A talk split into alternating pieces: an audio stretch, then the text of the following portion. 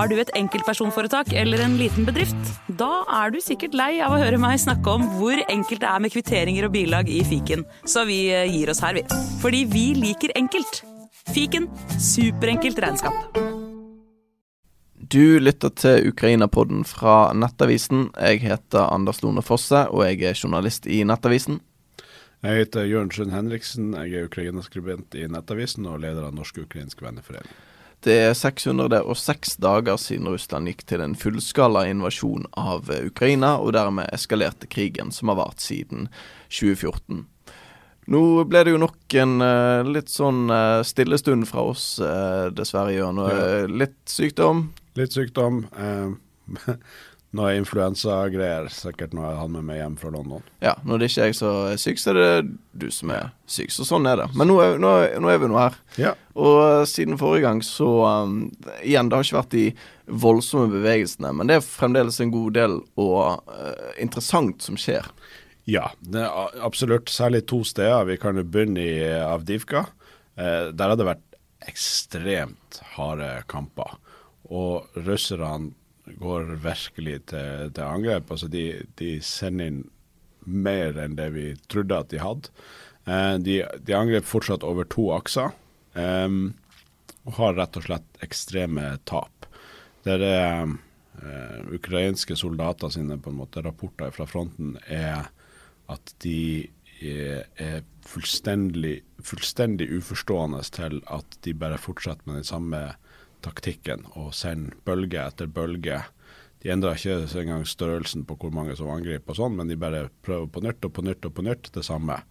Og folk og utstyr blir, ødelagt hver gang.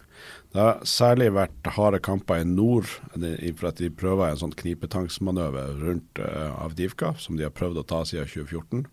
Uh, og i nord så er det et sånt kunstig fjell. Det er tidligere gruve. Så det er et uh, par hundre meter høyt kunstig fjell som heter Terikon, som ukrainerne har. Og russerne har bestemt seg for at det må vi ta. For hvis vi tar det, så har vi høyden og, og en fordel, og det gjør det lettere å ta områdene rundt. Og det er i og for seg riktig. Eh, sånn sett så er det ja, isolert sett lurt. Men problemet er jo at hele det omlandet der er veldig flatt, og så har du det kunstige fjellet, og der er jo ukrainerne satt med veldig gode forsvarsposisjoner. Eh, og russiske stridsvogner og stormpanservogner og, og, armerte personellkjøretøy og folk som skal nå fram til det fjellet, de må gjennom en veldig lang og flat eh, eh vei for å komme fram dit. Og da blir de drept. Mm. Og det er bølge etter bølge etter bølge. Eh, stridsvogner, kjøretøy, alt blir ødelagt. Så det, tapene har vært enorme. Det har vært eh, over 1000 per dag eh, de siste dagene. Så eh, folkene kan nok russerne erstatte, for at det her er mye som tyder på at det er sånn fengselsmobiliserte folk. Eh, så de klarer de å erstatte, men det, det utstyret de taper, klarer de ikke å erstatte. Mm bare skyte inn at det er jo vanskelig å verifisere tapstallene mm. eh, som russerne har. Eh, ofte når vi snakker om det, så eh, er det gjerne de ukrainske oppdateringene som vi må mm. referere til. Ja. Men det man sammenligner med hvis man sammenligner det sammenlignet med for en måneds tid siden, når Russland ikke hadde en pågående offensiv, mm. så er det altså det er i hvert fall dobbelt så store ja. tapstall på personell og på stridsvogner og og pansrede personellkjøretøy, så er det en altså det, det, Vi snakker nesten en ti ganger her. Altså det er kjempestore tall. Spesielt torsdag eh, forrige uke eh, var ganske brutal. Eh, da var det og det, her, det skal sies det er ikke bare ukrainernes egne tall. Du har analytikere som Andrew uh, Perpetua f.eks., som, som samler sammen uh, opptaksbilder, uh, alt mulig. Mm. Setter det inn i Prøver å finne ut hvor dette er, mm. og uh, er dette noe som vi har registrert før, eller er det et nytt, er det et nytt opptak, gammelt opptak? Alt sammen. Samler det sammen i um, i åpne Google-dokumenter, så man kan sjøl sjekke kildene sine. Kjempebra for de som elsker å nerde seg i dette, mm. uh, og som virkelig vil ja, prøve å følge med på hva som skjer. Og hans tall er jo det samme. Altså, det er langt, langt større tap. Og um, som sagt, torsdag er en spesielt tall. Da skal russerne uh, Dette er riktignok ukraineres tall, men tapt 120 personalkjøretøy, 55 stridsvogner. Sammenlignet med, med, for en måned siden, 24.9, så hadde eh, ukrainerne Ifølge ukrainernes tall så tapte Russland ni pansrede kjøretøy og stridsvogner til sammen. Altså det er jo ja. Det er jo ikke bare en tiendedel, det er jo mindre enn det òg. Um, ehm, så Ja, og sånn som Perpetua, han skriver jo i en litt sånn Hva skal vi kalle det for? Litt sånn sarkastisk, eh, tørr kommentar på hvorfor Russland gjør dette. Så skriver han at jeg antar at man må ta denne muligheten til å selvmordskjøre alle BTR-ene, altså russiske pansrede personellkjøretøy, inn i et minefelt før været snur og alle blir sittende fast i gjørmen. Det er jo hans take på det. Jeg vet ikke hva, hva tenker du, Jan? Jeg tror det er et desperat forsøk på, for at de er veldig, eh, de veldig pressa på hovedfronten i Zaporizjzja. De er veldig pressa. Eh, ukrainerne er på den andre forsvarslinja, klart til å gå løs på den tredje snart, kanskje. Eh, og de har reelt sett ikke styrker til å håndtere et gjennombrudd der. Så jeg tror de desperat prøver å komme seg fram til gjørmesesongen med å dra fokuset til en annen plass, og, og tvinge Ukraina til å sette inn flere styrker for å forsvare eh, Avdivka. Men som du sier, altså, det, går ikke, det, går ikke, an å verifisere eh, individuelt hvor mange drepte det er, men, men det er jo bildemateriale og videomateriale som korresponderer godt, som gjør de ukrainske tallene troverdige. For det er, det er veldig godt dokumentert. Og, og ja, det er noen oversiktsbilder der det bare virker som det er uendelig antall drepte russiske soldater som, som ligger utover der. Og det er ganske ja, eh, spesielt interesserte kan, kan, se på det her, men det er ganske mørkt. altså. Det er ikke, det er ikke et materiale jeg ville zooma inn på. Men, mm. men, uavhengig av om det er 1000, 2000 eller enda flere drept på en dag, så er det i alle fall rikelig bildemateriale som bekrefter at veldig mange russere har falt, og at de har mista enorme mengder utstyr. Ja, og bare det at Russland sjøl sier at ja, her har vi en offensiv, eller de kalte det for offensiv i starten, og så mm. gikk det litt trått, og så ja. kalte de det for aktivt forsvar istedenfor. Og bare det at de sjøl har sagt at her er det offensiv, og så ser du på eh, geolokaliserte eh, bilder og satellittbilder og alt dette her som eh, ISW blant flere har eh, slengt inn i et kart mm. som de oppdaterer hele tiden, så ser du at de, altså, de har jo ikke rykket frem Nei. i det hele tatt eh, under denne offensiven her. Um, om noe så er det én meter eller to meter her og der, men det er ja. ingenting som tyder på at de er i ferd med å omringe byen. Og nå er jo også en av de um, Altså i helgen så er det en av de aller største russiske militærbloggerne, prorussiske, som eh, Det virker litt som de går fra å være optimister til litt mer forsiktige optimister, kan du si. Eh, fordi at de skriver i en eh, oppdatering lørdag ettermiddag at det er svært mange miner i området. Eh, det er troppene våre, altså de russiske troppene, mm. utsettes for enorme mengder klasebombeangrep. Og så kommer de også inn på en drone som russerne har kalt for Baba Yaga. Det er en um, slags heks i slavisk eh, folkeeventyr, så de har valgt å kalle uh, denne dronen opp etter. Mm. Opprinnelig utviklet for gjødsling og vanning i landbruket, men så siden har han blitt uh, benyttet av ukrainerne. Og siden han kan bære så mye vann og, og, sånn i utgangspunktet, så kan han bære bomber på så mye som 50 kilo. Og dette er noe som eh, både uh, denne militærbloggeren har skrevet om før. Du har uh, Russia Today-korrespondenter mm. som sier at denne her er Altså, den er eh, den, den, brenner utstyret vårt om natten, skrev han mm. Filatov, han korrespondenten, tidligere i sommer. Og som han skriver, det gjør at de må flytte utstyret tilbake fra frontlinjen. De må gjemme det langt under frontlinjen. Ja, det, det, jo, det, viser jo viktigheten av luftmakt og, og drone, og også eh, raketter og missiler vi skal snakke om etterkamp som en stund, viser jo at, eh, at mye av, eh, av, tradisjonelle jagerfly og, og deres luftstyrke kan, kan, delvis erstattes. Eh, men vi ser også at i sin andre angrepsbølge så har russerne enda større tap enn den første. og det er hovedsakelig to årsaker til det. Det ene er at uh, ved første angrepet så hadde de litt element of, of surprise. Uh, Ukrainerne visste at det var noe i emning, uh, men de soldatene på frontlinjen visste ikke helt hva som kom og hvordan det her kom til å se ut. og De var enda bedre forberedt for andre bølge. en annen forskjell på første og andre bølge er at de russerne bruker mindre flystøtte nå i andre runde av denne, eh, det her angrepet. Og det er jo blant annet sannsynligvis fordi at de har mista fem Su-25 eh, eh, de siste dagene, eller siste uka i det her angrepet. Ukrainerne har skutt ned mange. Eh, og som vi skal snakke om om litt, eh, Ettercoms mot helikopterbaser, som gjør at de har eh, færre helikopter til å, til å, støtte seg med.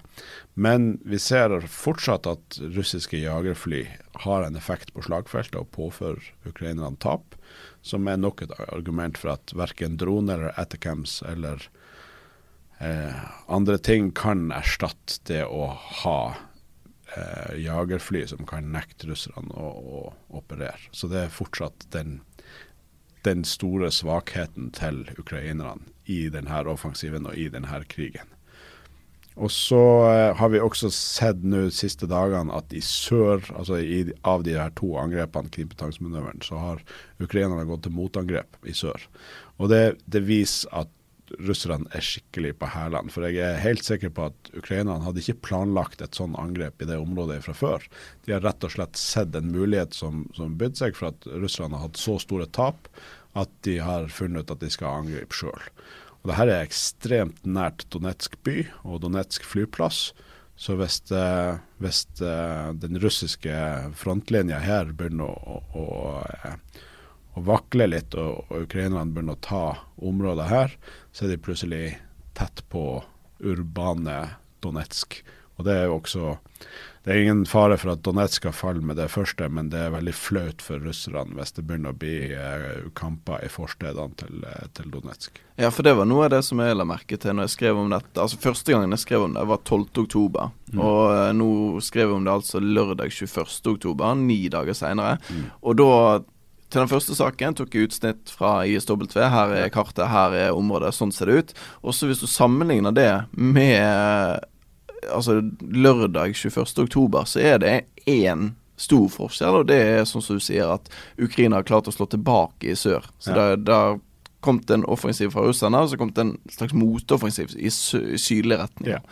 Og det, det, er en, det, er en, mulighet som har oppstått, som de har tatt. Og det er jo en av de store forskjellene på, på ukrainsk eh, taktikk og, og, russisk taktikk, er jo at, eh, at ukrainerne har frihet til å ta initiativ når muligheter byr seg. Russerne vil aldri finne på det. For at eh, hvis du When in doubt, do nothing, er liksom den russiske doktrinen. Det er mye verre å, å gjøre noe feil enn å gjøre ingenting. Mens ukrainerne har tatt denne muligheten. Så da har altså russerne tapt tusenvis av soldater og masse utstyr på en offensiv der de har negativ fremgang. Mm. Hvis du vil se disse kartene, så kan du gå inn på uh, Google, så kan du søke på 'russerne slår alarm om superdrone'. Da får du også lese litt mer om den dronen som vi snakket om tidligere. Men der ligger altså de uh, kartutsnittene i en uh, sak fra Nettavisen. Og så må vi jo også hoppe litt lengre vest, mm. fordi uh, det er en elv som skal krysses, eller som Det er stadig snakk om at her er det bevegelser, Jan.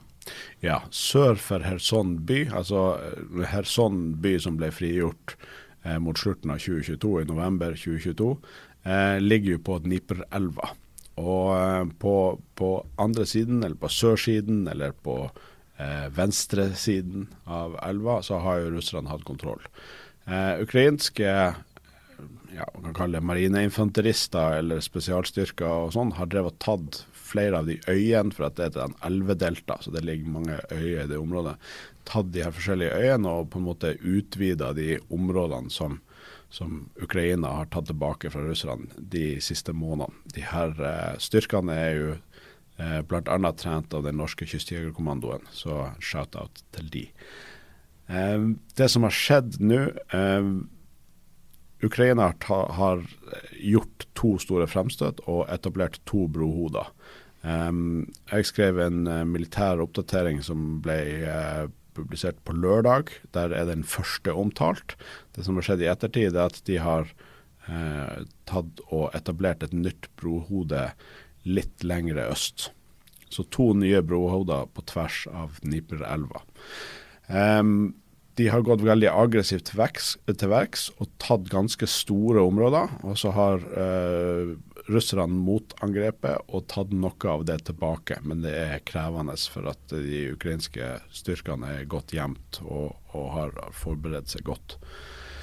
Så det her uh, tyder på er jo at russerne ikke har eh, mye styrker i området. De har ikke et godt forberedt forsvar av denne regionen, for de har trodd at Dniperelva skulle eh, beskytte dem. Vi vet også at noe av det forberedte forsvaret som var der, ble vaska bort da de sprengte Novakovka-dammen. Så det er, et, det er, et, område som er vanskelig for russerne å forsvare, og de er ikke forberedt. Og Det er tydelig at ukrainerne har god etterretning på det, og vet eh, hvordan de skal utnytte det.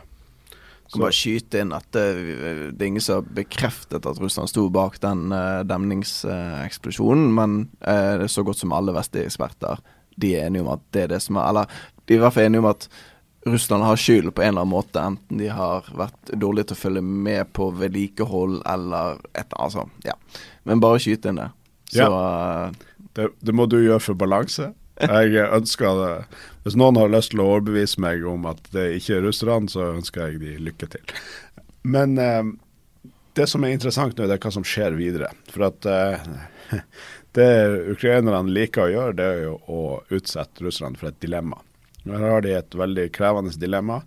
Uansett hva de velger, så vil det være eh, bakdeler med det. Enten så er de nødt til å flytte ganske store styrker fra Zaporizjzja-fronten, fra hovedfremstøtet til ukrainerne, for å stoppe det her. Og hvis de ikke gjør det, så kan ukrainerne bestemme seg for å etablere eh, bruer over Dnipro og forsterke de her brohårene med, med, tungt materiell, og så begynne å dytte sørover mot, eh, mot eh, Krimhalvøya. Og Det er klart det vil være en veldig krevende uh, operasjon med stor risiko, men den alternative veien, der som nå hovedfremstøtet er, er fullt av veldig godt forberedte forsvarsstillinger. Den er ganske lang, der er minefelt. Men eh, hvis de nå eh, hvis de nå velger å slå ned gjennom Kherson eh, og, og sør for Dnipro isteden, så, så er det mindre forberedt forsvar. Jeg tror at russerne blir å stoppe det, for at de har ikke noe valg. Men da blir de å svekke stillingen sine på Zaporizjzja-fronten. Vi eh, kan eh, hoppe videre til Ettercamp, som du var så vidt innpå. Ja. Um, i dag eh, morges når jeg kom på jobb, så lurte jeg litt på hva jeg skulle skrive om. Og da gjorde jeg det som jeg gjør med gjennom mellomrom, og det var at jeg gikk inn på RIA, det russiske statlige nyhetsbyrået, for å se hva de meldte om den mandagsmorgen, mandagsmorgenen 23. oktober. Og de valgte å bruke mye av forsiden sin til ettercamps. De gjør det med gjennom mellomrom. dette er jo støtte som kommer fra uh, USA, langtrekkende raketter som uh, USA har gitt til Ukraina, det er jo noe russiske medier eh, har lyst til å få ut til befolkningen sin, om at se hva USA holder på med. Mm. Men vinklingen de hadde i dag, det var eh, eh, et sitat fra Jan Gagin. Han er da rådgiver for de russisk innsatte myndighetene i Donetsk fylke. Og han slår alarm, eh, som vi ofte skriver her i Nettavisen, fordi at han hevder at Ukraina de kommer til å bruke rakettene tankeløst. Eh, sitat eh, tankeløst.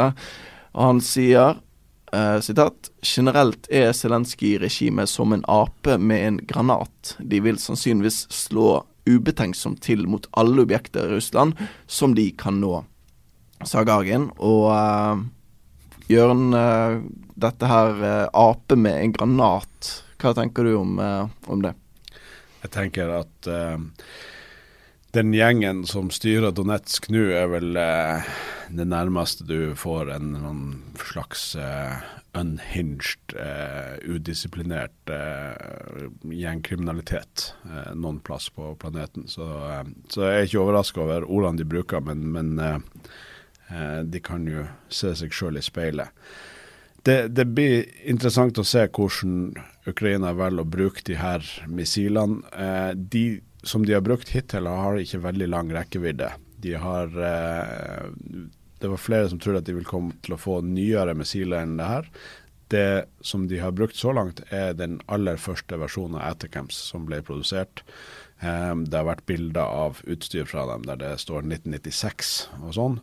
Og de har eh, litt kortere, eller en del kortere rekkevidde enn de som har blitt produsert senere, for at Eh, amerikanerne valgte å redusere stridshodet deres for å få plass til mer drivstoff og lengre rekkevidde på de kommende versjonene. Men de har jo brukt de veldig effektivt. De har angrepet to, eh, to flyplasser. Det er mulig det var et nytt angrep eh, nå i natt på, på, en flyplass på Krimhalvøya, men det er ikke helt bekrefta. Men de har i hvert fall angrepet eh, helikopterflyplassene i Luhansk og Berdiansk. Um, der er det bekrefta henholdsvis ødelagt, helt ødelagt ni helikopter uh, på, i Luhansk og fem i Berdiansk. Men uh, litt sånn analyser viser vel at det er sannsynlig at opptil 21 helikopter i hvert fall er så skadd at de ikke blir å fly på en stund. Um, det her er de, de første Ettercams-versjonene er klasevåpen. Uh, sånn at de er perfekte til å angripe flyplasser de er altfor store til å angripe skyttergrav og, og, sånne ting, så de vil ikke bli brukt mot, eh, mot, menneskelige mål, for å si det sånn. Men å angripe en flyplass med denne type, denne type klasevåpen gjør at du kan ødelegge veldig mange fly og utstyr samtidig. De droneangrepene vi har sett på flyplasser tidligere, også som de har angrepet langt inn i Russland. Og Da er det jo interessant at de er så redd for at uh, det her skal brukes langt inn i Russland. for at Ukraina har jo vist evne til å angripe flyplasser veldig langt inn i Russland og forbi Moskva allerede. Men eh, eh, de her droneangrepene de har gjerne klart å ødelegge ett eller to fly. Men her ser vi med, med sånn klasseeffekt at det, det, spres veldig mange små prosjektiler rundt omkring. At de klarer å ødelegge veldig mye utstyr på en gang. Mm, så det er, ikke, det, det er gjerne en tanke bak det fra Ukraina. Det er ikke tankeløst, sånn som eh, Gagen påstår her. Det virker ikke som de har gjort en eneste tankeløs ting siden denne krigen begynte. Det er deres eh, evne til å få det meste ut av de våpensystemene de får, er ekstremt imponerende. Mm. Og vi ser, altså det at de mista så mange helikopter, både transporthelikopter og angrepshelikopter, går jo direkte inn på stridsevnen deres. Og så vet vi ikke, det kan hende at de har fått flere missiler med lengre rekkevidde. Eh, men da er det jo lurt å bruke de med kort rekkevidde først. Kanskje russerne tenker at ok, nå må vi flytte ting 150 km lengre bak og samle de der isteden, og så plutselig kommer det neste nivå med, med ettercamps. For amerikanerne har nå sagt at vi vil ikke lenger offentliggjøre hva vi gir til Ukraina. Så, eh, så der er det et, eh, et policy-skifte som gjør at russerne kan få større overraskelser i tida som kommer.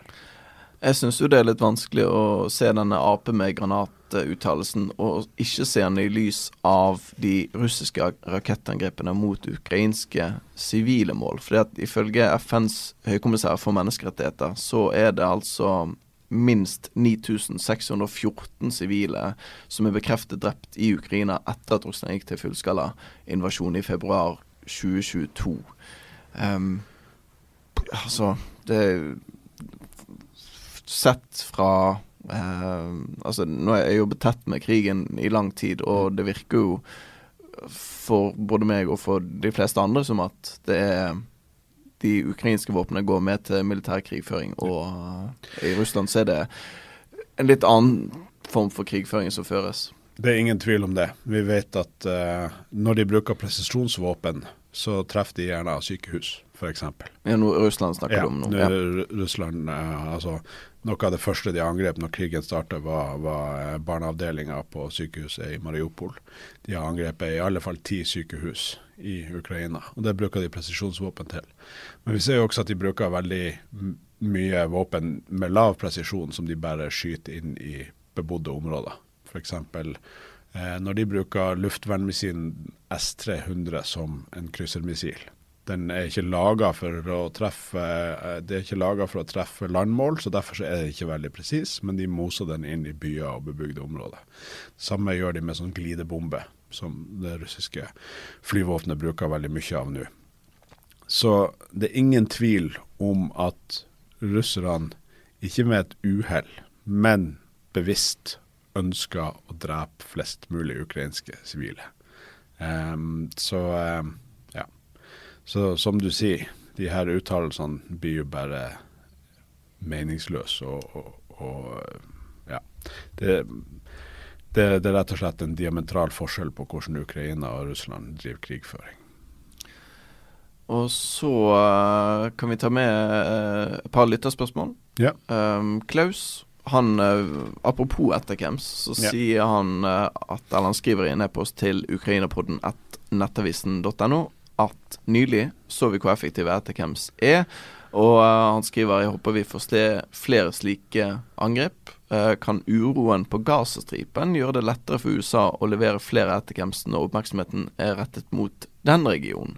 Og, um, så stiller han også spørsmål om rekkevidde, men um, Ja, altså, jeg tror ikke jeg, jeg, tror egentlig ikke at det har med oppmerksomhet å gjøre. Men den talen som Biden holdt på natt til fredag, tror jeg, mm. syns jeg var veldig interessant. Da holdt han en tale til nasjonen på 15 minutter der han på en måte eh, forklarte hvorfor krigen i Ukraina og krigen i Midtøsten er viktig for USA, hvorfor USA må være opptatt av den og, og, og støtte opp under uh, de her demokratiene. Og han prøvde på en måte og det er nok uh, veldig mye politikk i det, for at det er stor støtte det amerikanske folket til Israel. Og så prøver han å knytte de her konfliktene sammen eh, for å få mer støtte til Ukraina. Men jeg merka en, en, veldig tydelig endring i måten Biden snakka om eh, det her på. Og jeg tror det er et skifte, og det mener jeg også der at de ikke lenger skal offentliggjøre hva de gir, er et tegn på. Ja, men hvilken skifte, hvilken endring har du sett? Han, måten han snakker om krigen i Ukraina nå, er mer i retning det britene har gjort.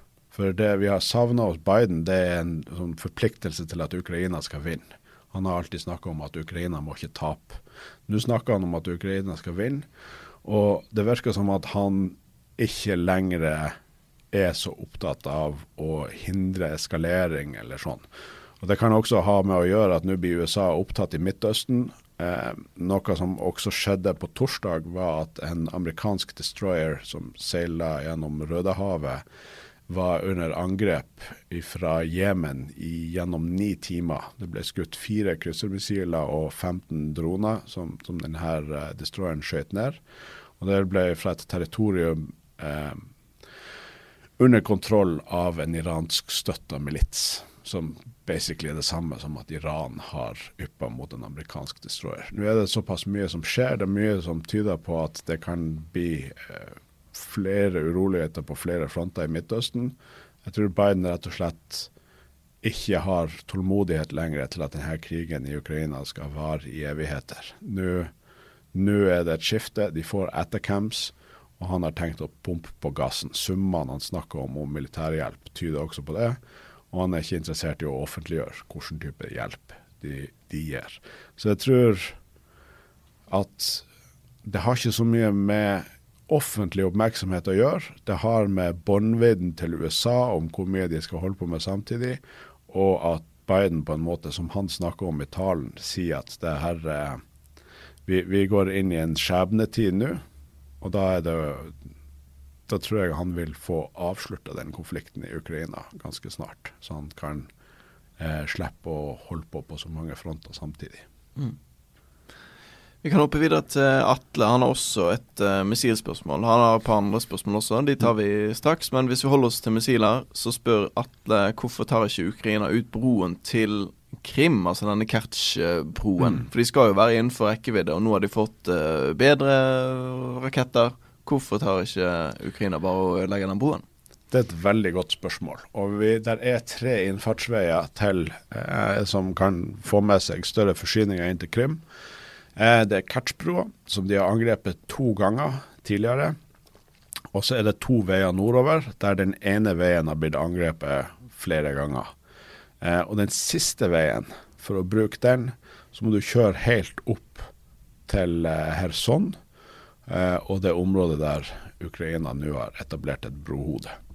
Sånn at hvis det brohodet med Kherson lykkes, og de kapper de to andre veiene, så er basically Krim isolert. Eh, Nå prøver jo russerne å hindre det med å bygge en ny jernbane, men den er jo litt, litt fram i, i tid, så, så, vi tar ikke den med i regnestykket akkurat nå. Så, så, det her er et veldig interessant spørsmål. For hvorfor, gjør, hvorfor kutter de ikke bare alle tre på en gang? Og det er sannsynligvis for at uh, Ukraina har en plan for hvordan rekkefølge ting skal skje, hvordan de vil at de forskjellige forsyningsstrømmene skal gå. Eh, og jeg tror at det her er allerede forhåndsplanlagt. At når styrkene når punkt A, så kutter de forsyningslinje B, og så har de en plan videre fremover. Eh, det er ingen tvil om at de har kapasitet til å ødelegge catchbrua, for det har de gjort to ganger før allerede. Inne vet vi ikke helt hva de brukte, det andre var med de her sjøgående dronene den ettercampsen de har fått nå, er ikke veldig velegna for å ta catchbrua, for det er en eh, clusterversjon eh, som vi snakka om. Så den, eh, den kan eh, fint ødelegge bilene på brua, men den er ikke egnet til å punktere et hold gjennom den. Men det er andre ettercamps-versjoner som vil være veldig velegnet til det, som de kanskje har fått allerede, eller kanskje vil få snart. Men eh, hvis, de har, hvis, de ikke har, det, så har de andre ting så de kan angripe broa. Så sånn som jeg leser situasjonen, så er det fordi at de venter på det akkurat riktige øyeblikket, sånn at det skal skape kaos på flere fronter når Ukraina syns at det passer. Mm.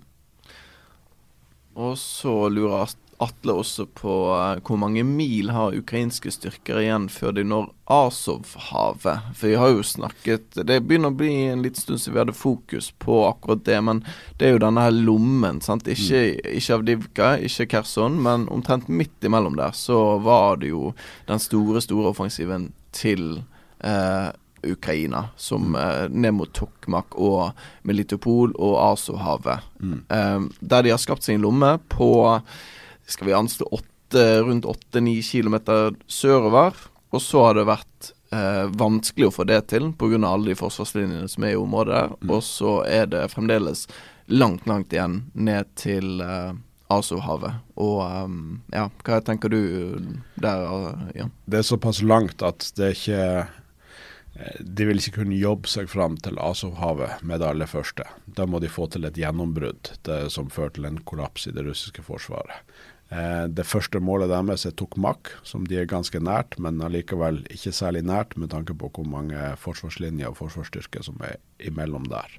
Sånn at eh, ja, det er, det, det er, ingen umiddelbar fare for at russerne, eh, for at Ukraina skal liksom, ta seg skyttergrav, til, skyttergrav helt ned til Azovhavet. Der må det skje et, et dramatisk gjennombrudd. Og så er det to byer på veien dit som kommer til å være veldig viktige. Det er Tokmak og Melitopol. Eh, så hvis du ser på karta og ser på de her, så ser du på en måte hva som er ruta. Men så er det jo interessant. Kanskje skjer det noe eh, voldsomt hvis, eh, hvis ukrainerne lykkes med det her brohodet, eller de flere brohodene de har etablert på, på sørsida av Kherson-elva. Så det er jo, De prøver jo å skape ubalanse, så, så får vi se om, eh, om, det skjer noe dramatisk før eh, gjørma begynner å flyte, eller om fronten blir å sette seg sånn her for en stund framover. Mm. Sjekket uh, kjapt værmeldingen i sted. Det var jo pga. Uh, når, når vi snakker om den psykologiske krigføringen mot sivile, om jeg var nysgjerrig på om det har begynt å bli minusgrader i Kiev, mm. bl.a. Det hadde absolutt ikke. Det, jeg tror det er rundt 16-17 grader der. Så, ja. Og ikke nedbør. Så gjørmen er ikke rett rundt hjørnet heller, sånn sett. Uh, men uh, Og siste spørsmål fra Atle her eh, kan vi ta med før vi uh, begynner å runde av her. Og det er um, Han hopper litt tilbake i tid. Han husker jo uh, Zaporizjzja kjernekraftverk og lurer på om er det i drift, og hvem som kontrollerer det. Og jeg skjønner spørsmålet veldig godt, fordi vi snakker ofte om Zaporizjzja og at angrepene foregår liksom i det området. Mm. Men byen Zaporizjzja, der uh, kjernekraft Nei, uh, altså byen har har- Ukraina kontroll på. Ja. Men Ja, Byen Zaporizjzja har aldri vært eh, under russisk kontroll, eh, mens eh, store deler av Zaporizjzja oblast eh, er kontrollert av russerne. Det er derfor vi kaller det Zaporizjzja-fronten, for at den ligger i Zaporizjzja oblast. Eh, men her, det kjernekraftverket, Zaporizjzja kjernekraftverk, det er kontrollert av russerne. Og så er der eh, inspektører inne fra atomenergibyrået som også er til stede og monitorerer og sørger for at ting ikke skal gå galt. Men det ligger jo nær den her kunstige innsjøen, som nå er blitt mye mindre etter at Novakovka-dammen gikk. Um, så det ligger ganske langt fra fronten. Um, det ligger liksom ja, midt mellom Zaporizjzja-fronten og Kherson. Så det er, det, er, det er veldig langt fra der det foregår kamper akkurat nå. Men så jeg har lest den, men som, som du sier, det er en stund siden. Eh, men det jeg har lest om atomkraftverket, er at det er veldig lite effekt på det. Det er vel bare én av reaktorene som har litt drift, men, men det er på en veldig trygg måte. Sånn at eh, jeg har veldig lite kompetanse om atomkraftverk, men de ekspertartiklene jeg har lest om det, snakker om at det er veldig lite fare for at noe skal skje. Og det er ikke mulig å få til på en måte sånn der Tsjernobyl-nedsmelting av det her kraftverket, sånn som, sånn som det driftes i dag. Eh, sånn at det hvis, hvis russerne gjør noe dumt der, så er, vil det være veldig negativt for det lokale området der, men vi vil ikke se på noe sånn eh, Det vil ikke være noe Tsjernobyl-katastrofe. Sånn at det har først og fremst blitt brukt for fryktspredning eh, og sånn, men, men det er jo en av de tingene som det er ganske lenge siden vi har hørt noe om. Det har vært andre typer tema som russiske nettroll og informasjonskrigføring har fokusert på. Så, eh, så Zaporizjzja Powerplant har gått litt bak i, i aktualitet. da tenker jeg vi kan uh, si det ved det. Jeg vet ikke om du har noen siste ord, noen tanker? Uh.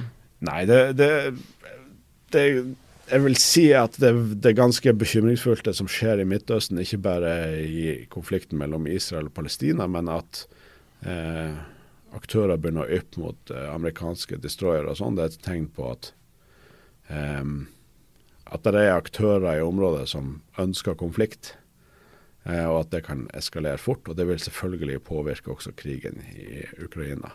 Så eh, lytt til radio og følg med på hva som skjer. Og, og eh, som nevnt, send gjerne flere lyttespørsmål inn til podkasten vår. Ukraina-podden at nettavisen.no.